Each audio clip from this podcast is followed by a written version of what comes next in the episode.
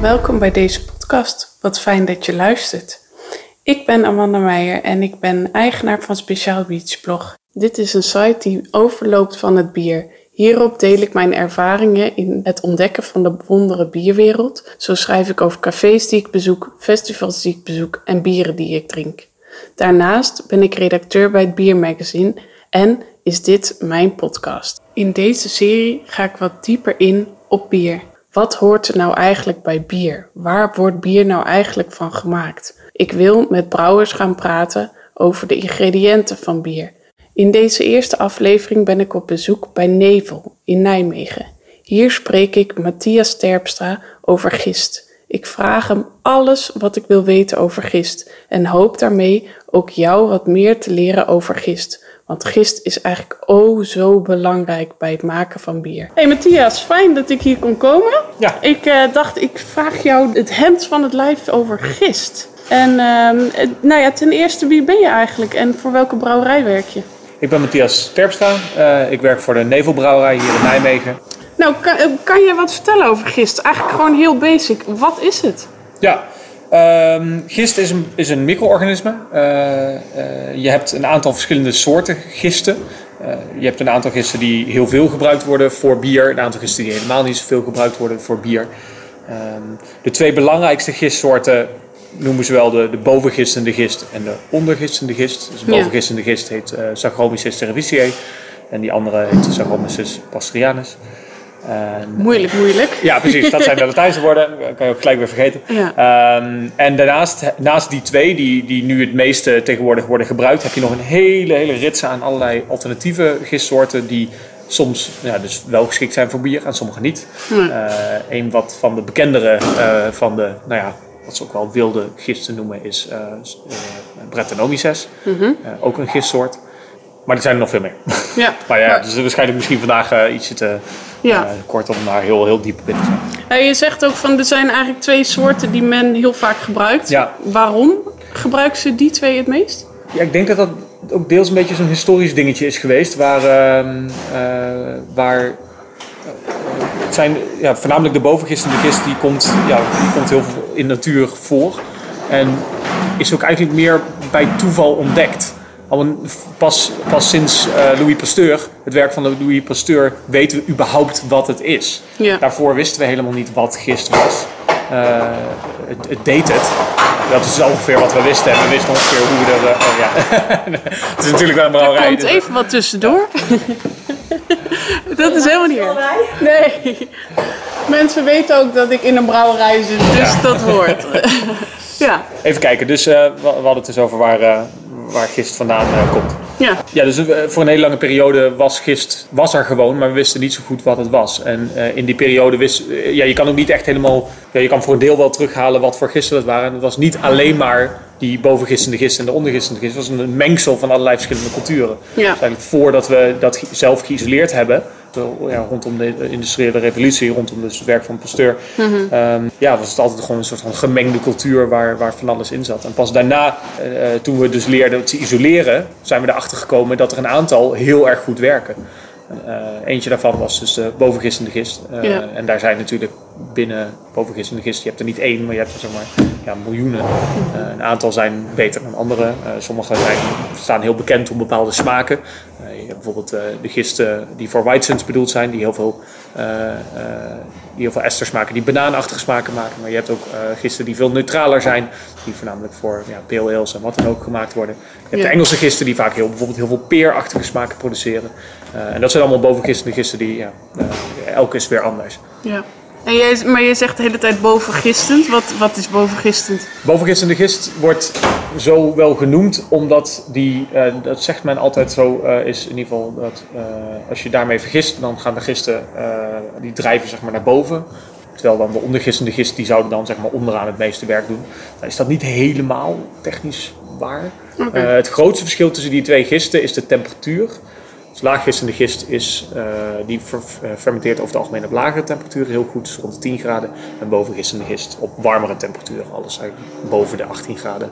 Ja. Ze kunnen het ook allebei daaronder of daarboven wel, maar dat zijn een beetje de, de, hoofdtemperatuur. En uh, bovengistende gisten kan wel echt ook wel veel warmer gefermenteerd worden.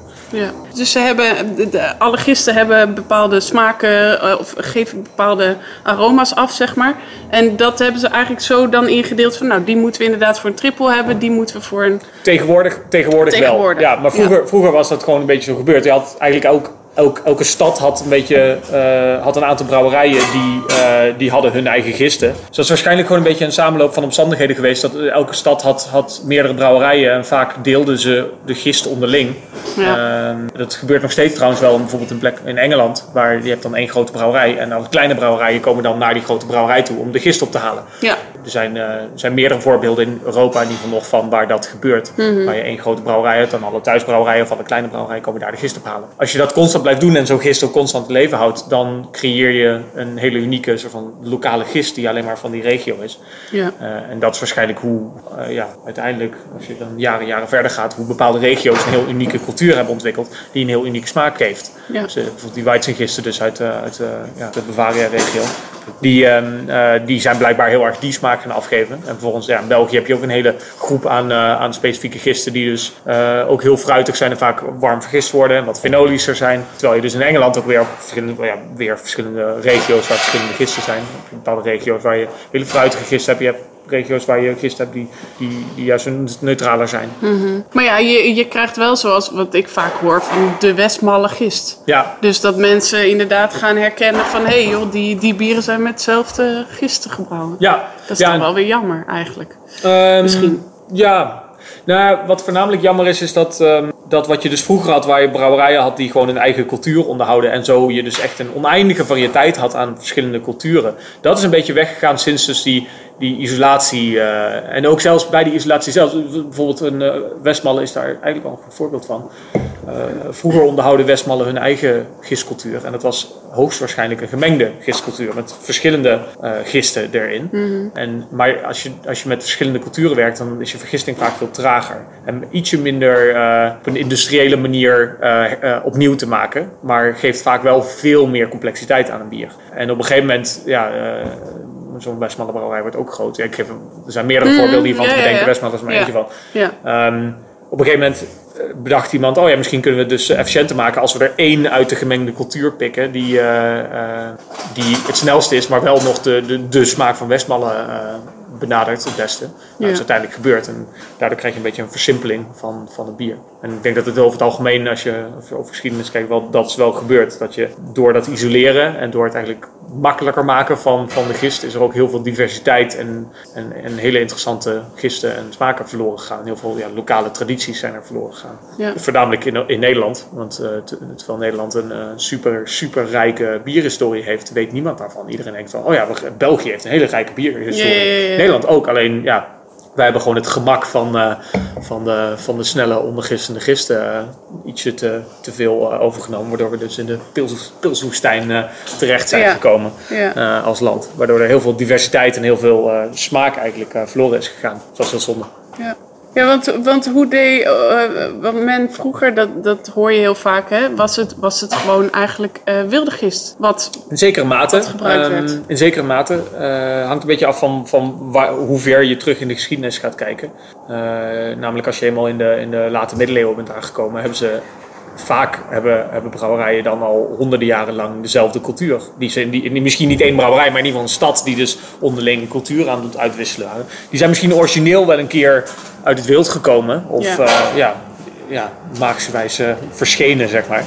Ehm, maar vaak... eh, ehm, ja, dus op, op, ja, dus dat wil ik zeggen. Dus in de late middeleeuwen ik denk dat de meeste brouwerijen gewoon zo'n eigen gistcultuur hadden. Een huiscultuur of een stadscultuur. Eh, die, eh, die iedereen deelde. En dat is niet echt meer wild per se. Er zitten waarschijnlijk wel nog... Er had waarschijnlijk wel Brettanomyces ingezeten. Ook weer, ook weer een voorbeeld terug naar eh, Pasteur. Ook weer. Brettanomyces betekent eigenlijk als je de Latijn gaat vertalen... eh, Engelse gist. Dus Bretta van Brittannië. En Mises van nou, schimmel. En gist is eigenlijk een, een niet-sporende schimmel. Is van dezelfde familie als schimmel. Ja. En Pasteur had die gist zo genoemd omdat toen hij die isoleerde uit Ja. Engels bier en vervolgens daar gisttestjes mee ging doen, elke keer als hij dat deed, dan kreeg je de typische smaak van Engels bier. Uh, er is nog een quote dus terug te lezen uit zijn, uit zijn, uit zijn dagboek, of nou niet zijn dagboek, maar zijn, zijn journals zeg maar. Ja.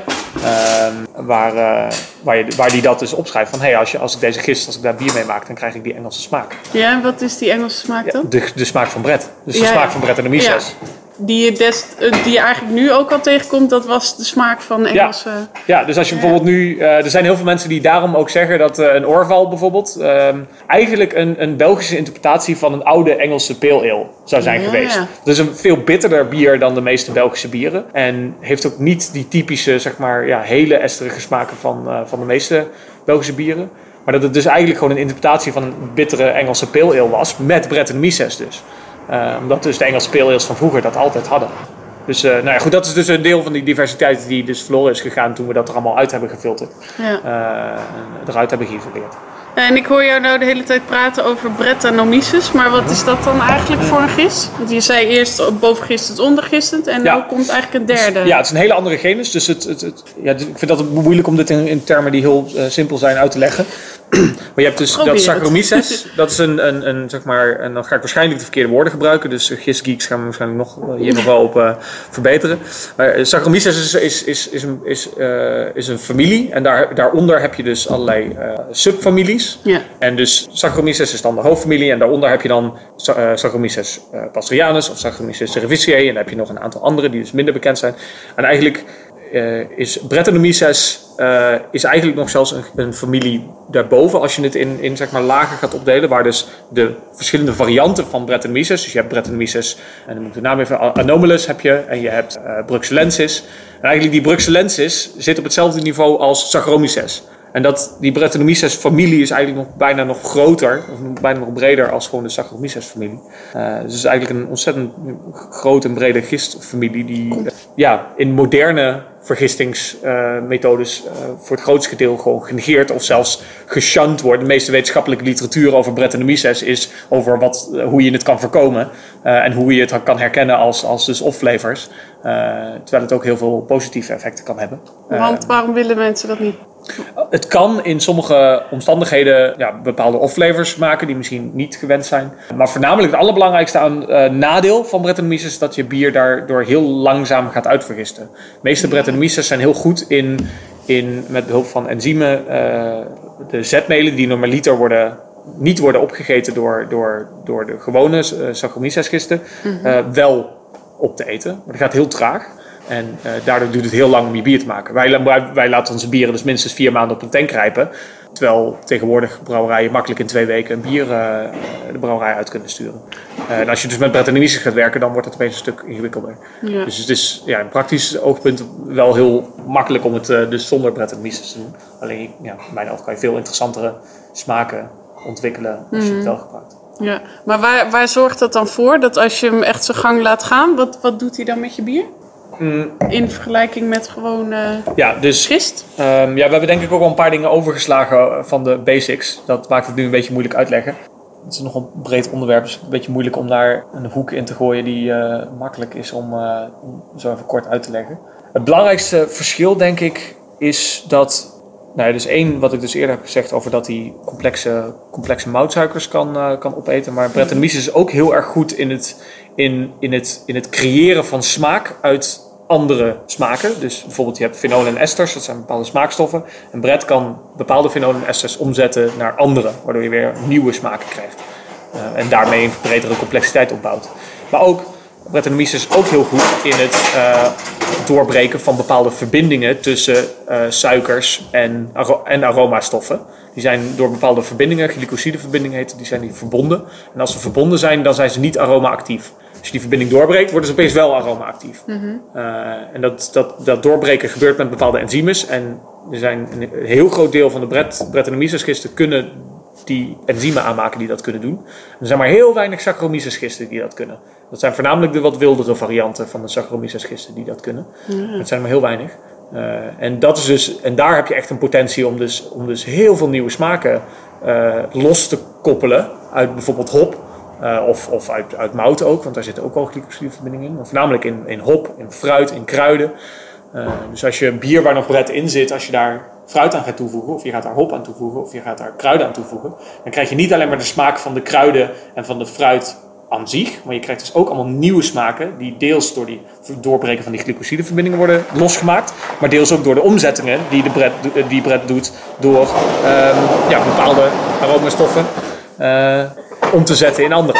En zo dus een veel breder smaakcomplex uh, te bouwen. In wijn is dit veel, uh, veel, eigenlijk nog veel belangrijker, omdat je daar heel veel van die uh, glycosideverbindingen hebt. Want mm. nou ja, iets wat er heel veel in, in, in druif zit is suiker. En ook veel smaak. Dus er zijn ook heel veel van die glycosideverbindingen. En in wijn hebben ze dat tegenwoordig. Voor al dit soort dingen zijn natuurlijk allemaal moderne trucjes bedacht. en een daarvan is gewoon enzymen toevoegen. En in de meeste klassieke wijnen wordt nu gewoon een enzym toegevoegd dat dat gelijk doet. Die uh, glycosideverbindingen doorbreken. En in bier worden die enzymen tegenwoordig ook steeds meer toegepast. bijvoorbeeld om bij de dryhopping dat enzym toe te voegen. Waardoor je ja. met minder dryhop opeens veel meer smaak maar ja, vroeger deed Brett dat gewoon. Ja. Uh, ja, nu zijn daar shortcuts voor. Het klopt dat je dus niet maar één gisting hebt, maar ook verschillende momenten van gisting als je een bier brouwt? Um, ja, uh, in zekere mate. Er zijn, dus je kan het sowieso opsplitsen in een paar processen. Zeker als je met wat wij doen bezig zijn, dan heb je het zeker over meerdere Daar processen. Daar gaan we het zo over hebben, wat jullie doen. Uh, bij een normale gisting zou je, uh, begin je eigenlijk met, ja, als je gist hebt, dat voeg je toe in eerste instantie. Dan heb je eerst de, wat ze noemen de, de, de lag phase in het Engels. dat is een soort van fase waar de gist eigenlijk voornamelijk aan het, de, de zuurstof die je toevoegt als brouwer aan het opeten is om zichzelf sterker te maken. Uh, celwanden opbouwen en, uh, uh, ja, en, en, ook een beetje wakker worden, zeg maar. En als ze daarmee klaar zijn, dan gaan ze over op de anaerobe vergisting. En dat, op dat moment noem je het ook echt vergisting. Dan is er geen zuurstof meer over. En wat ze dan gaan doen, daar is gist heel erg goed in. Het is eigenlijk een van de weinige culturen, weinige micro-organismen in, die dat überhaupt kan, dus op zo'n anaerobe manier vergisten. Is dan gaan ze suikers uit het wort gaan, ze, mhm. gaan ze opeten om daar dus energie uit te halen. En met die energie doen ze een aantal dingen. Het belangrijkste wat de gist eigenlijk wil is vermeerderen. Dus een deel van die energie die halen ze door één gistcel wordt twee gistcellen. Mm Dus dat is het, het, dupliceren letterlijk van, van gist. Dus dat is hoe ze zich vermenigvuldigen. Door gewoon letterlijk, ja, je kan het onder een microscoop ziet het ontzettend mooi uit. Je hebt dan één gistcel en dan opeens vloeien ze uit elkaar en dan heb je er opeens twee. Die hebben identiek, eh, of zo goed als identieke eh, DNA ook. En, en zo gaan ze dus zich vermeerderen. En, en dat vermeerderen doen ze dus uh, op het moment ook dat ze aan het vergissen zijn. Dus ze krijgen mhm. ontzettend sterke groei aan culturen. Nou, op een gegeven moment zijn, uh, zijn bijna alle suikers opgegeten. Zo erg dat nou ja, je zoveel gistcellen hebt en zo weinig suikers dat ze denken: oh, oké, okay, uh, er is stress, want er is onderhand is er ook alcohol geproduceerd. Want dat is een van de bij, eigenlijk bijstoffen van, van, van dat groeien. Ja. Uh, en die alcohol is giftig voor de gisten. Uh, er zit ook heel veel CO2 in. CO2 is ook giftig voor gist. CO2 is ook een bij, uh, bijeffect. Uh, en andere bijeffecten zijn de smaakstoffen, dus fenolen en esters. En nog veel meer andere stoffen, dus zuren, van ja. alles. Er zijn ook dingen die je wil hebben, inderdaad. Ja. en eigenlijk al die bijeffecten die zorgen ervoor dat gist op een gegeven moment in een heel erg moeilijke omgeving zit. Het is zuur, er zit alcohol in, er zit CO2 in, er is bijna geen voeding meer. Op dat moment gaan ze dus een beetje slapen. Uh, dus uh, onderhand zijn we vier dagen verder ongeveer. Uh, en dan gaan ze sedimenteren over het algemeen. Dus dat betekent dat ze eigenlijk in slaap vallen en dat ze allemaal naar de bodem zakken. Hm. dan is bijna alle suikers zijn op. Dus mout bestaat vrijwel volledig uit, uit glucoseverbindingen. en de drie, je hebt een aantal gisten die kunnen glucose en maltose opeten. Maltose is eigenlijk twee glucoseverbindingen aan elkaar vast. En dan een aantal gisten die kunnen ook nog maltotriose opeten. En dat is dus drie glucose aan elkaar vast. En ook, dus als je een, een gist hebt die niet heel attenuatief is, en attenuatief betekent hoe ver die uitvergist, mm dan krijg je hele zoete bieren. Dus uh, niet attenuatieve gisten die eten alleen maar tot maltose op. En dan krijg je dus wat zoetere bieren. En je hebt gisten die heel erg actief zijn, die kunnen tot maltotriose opeten en die, die maken veel drogere bieren. Dan heb je ook nog gisten die dus nog verder kunnen, maar dat, moet, dat is dus, dan heb je enzymen op een gegeven moment nodig om, om dus die verdere. Uh, nou ja, vanaf dat moment, van de, na, van de, na drievoudige suikers noemen, noemen we het meestal dextrines. Alles wat boven drievoudig zit, noemen we dextrines ook wel onvergistbare suiker. Ja. Uh, maar die zijn niet helemaal onvergistbaar, maar die kunnen dus weer door enzymen afgebroken worden als de gist dat kan. Door Brettanomyces. Bijvoorbeeld, maar dus, er zijn ook, er zijn ook ja. wilde Saccharomyces die het ook kunnen. Okay. Er zijn Saccharomyces die het kunnen. Er is onlangs is er eentje, dat was een heel schandaal ook in de brouwwereld. Al de variant van Saccharomyces cerevisiae, um, diastaticus uh, wordt die ook al genoemd. Die precies dat dus kan doen. En die zorgde er in heel veel brouwerijen voor, omdat ze bijvoorbeeld er niet wisten dat die erin zat, dat ze knalflessen kregen. Ze dachten het bier is uitvergist, maar er zaten nog wel restjes van die diastaticus in. En die, die, die, kun je dus ja, die kun je heel moeilijk zien, want het zijn gewoon gisten. Dus als je, als je alleen maar op, op contaminanten test die niet gist zijn, dan, kun je, dan vind je hem niet. En, maar die heeft dus wel bij heel veel brouwerijen voor echt grote problemen veroorzaakt. Ja. In Amerika zijn er zelfs rechtszaken ook naar gistlabs geweest uh, rondom die gist. Dus niet alleen Brett en Mises die het kan. Er zijn ook, uh, ook uh, dus, Saccharomyces gisten die het kunnen. Ik denk dat de meeste mensen dat denken, inderdaad. Ja. Tenminste, ik dacht het. Ja. ja. dus dan zijn we eigenlijk door de hoofdvergisting heen. Dus dat is eigenlijk de, de, de, eerste, het eerste stuk. Dus je hebt dan het voor, eerste stuk wat de lijkfeest is. En daarna krijg je echt de hoofdvergisting. En dat, dat duurt dus iets van ja, een paar dagen geduurd maar. Op dat moment zijn alle gisten gesedimenteerd. Over het algemeen is de vergisting dan nog niet helemaal klaar.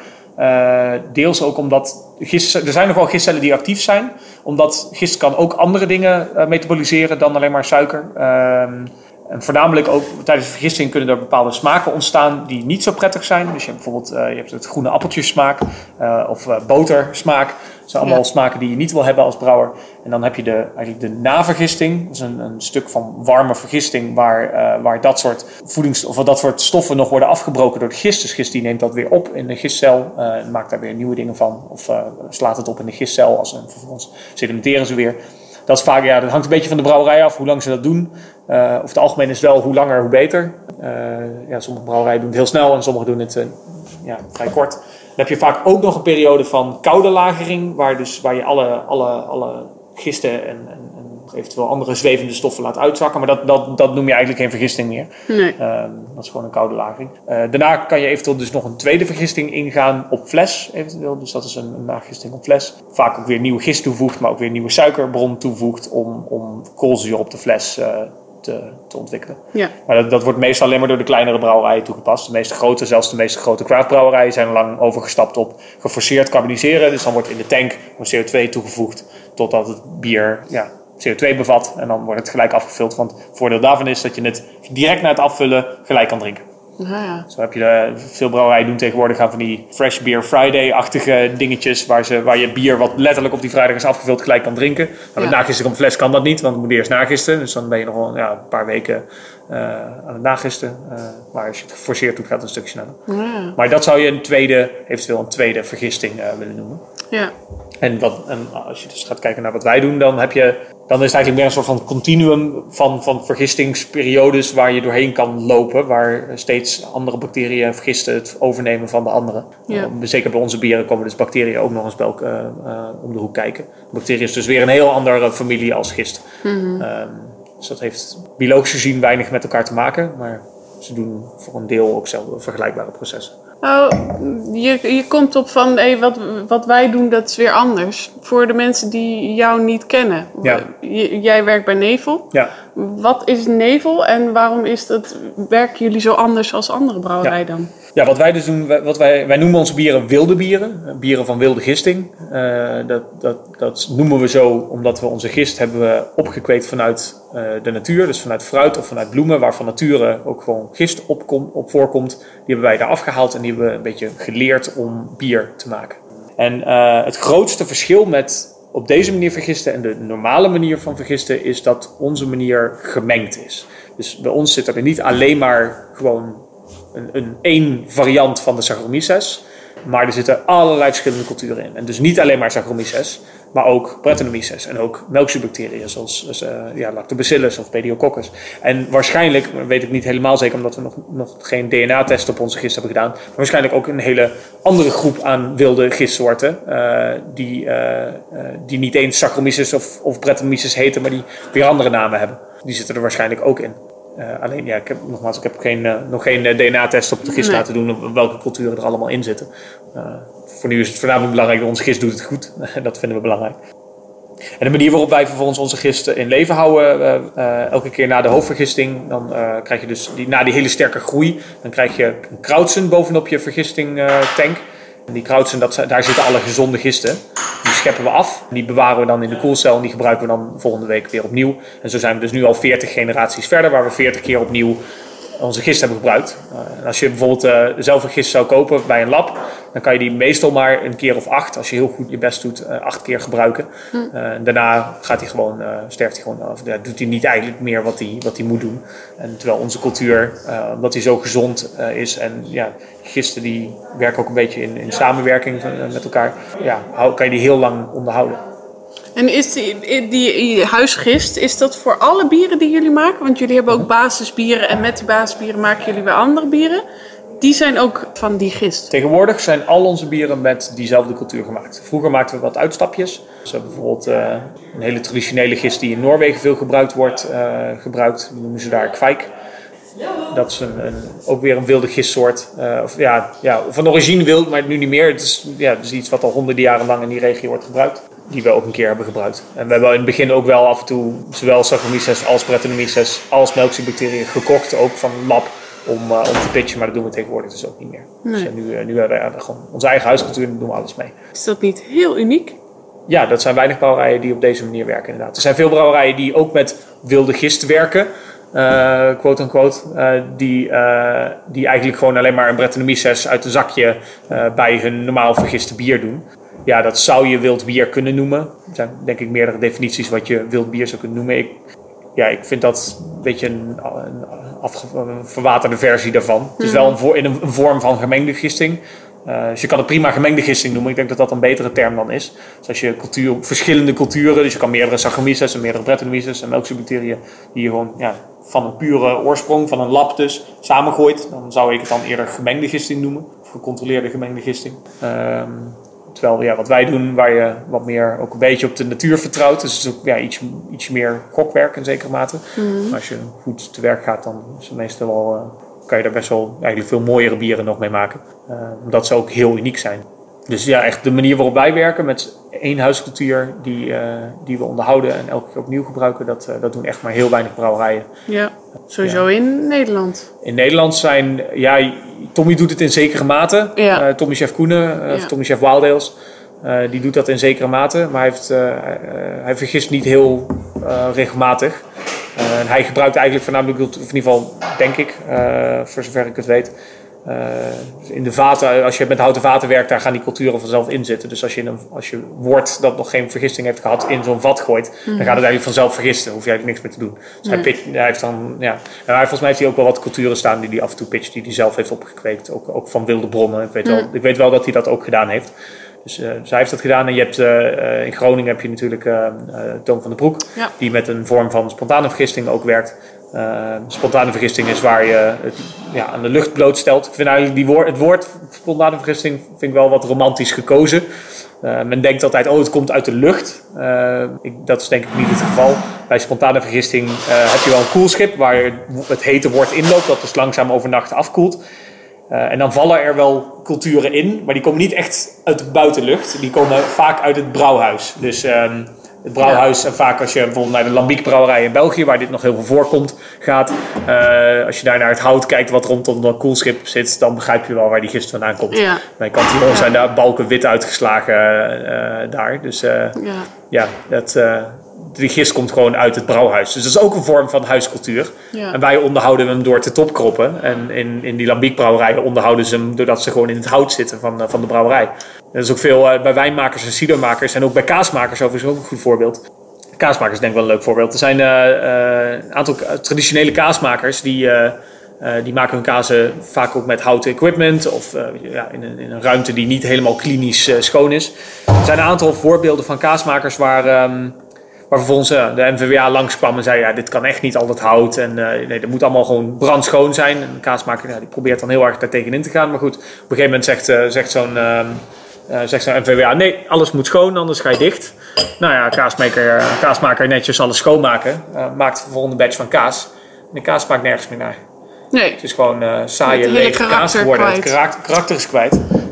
omdat die culturen in het apparatuur zaten. Die zaten in het, in, in, in, in, in het gebouw waar het werd gemaakt. En bij wijnmakers en cidermakers is het ook vaak het geval. Waar het gewoon in het apparatuur zit. Juist door niet wel goed schoon te maken, maar niet extreem schondig zeg maar, mm. schoon te maken. Dat het gewoon ja, die culturen over, overleven. En bij wijn is het ook, ook vaak van de schil, maar ook gewoon van de apparatuur. Ja. traditionele wijnmakers bekijkt, is van houten apparatuur. En ja, wordt wel een beetje gezwafeld om het schoon te maken. Maar blijft, uh, de meeste culturen blijven daar wel in leven van. Uh, zo ontwikkel je eigenlijk een soort huiscultuur die, die gewoon in je apparatuur zit en in je brouwhuis zit. En dat is bij spontane vergisting waar je dus die culturen eigenlijk uh, gebruikt. Ja. De lambiekmakers weten dat ook heel goed. die, die hebben zelfs het idee dat, dat als een bier in een kelder rijpt, dat de kelder cultuur ook belangrijk is. Cantillon weer als voorbeeld te geven. Die hadden op een gegeven moment een nieuwe kelder uh, gehuurd waar ze nieuwe vaten in zitten omdat ze aan het groeien waren. Die hebben op een gegeven moment uh, uh, lambiek van een van de beste vaten gepakt. Die hebben ze in een hoge drugs, of niet een hoge drukspijp, maar een soort vernevelaar gedaan. En toen hebben ze alle, alle muren van die kelder hebben ze volgespoten met lambiek. Om, om dus de culturen in, dat, in die ruimte te krijgen. Ja, ja. Om dus de smaak van Cantillon te... Ja, ja, ik weet niet of het werkt. Oh. Misschien ook deels een beetje... Ja.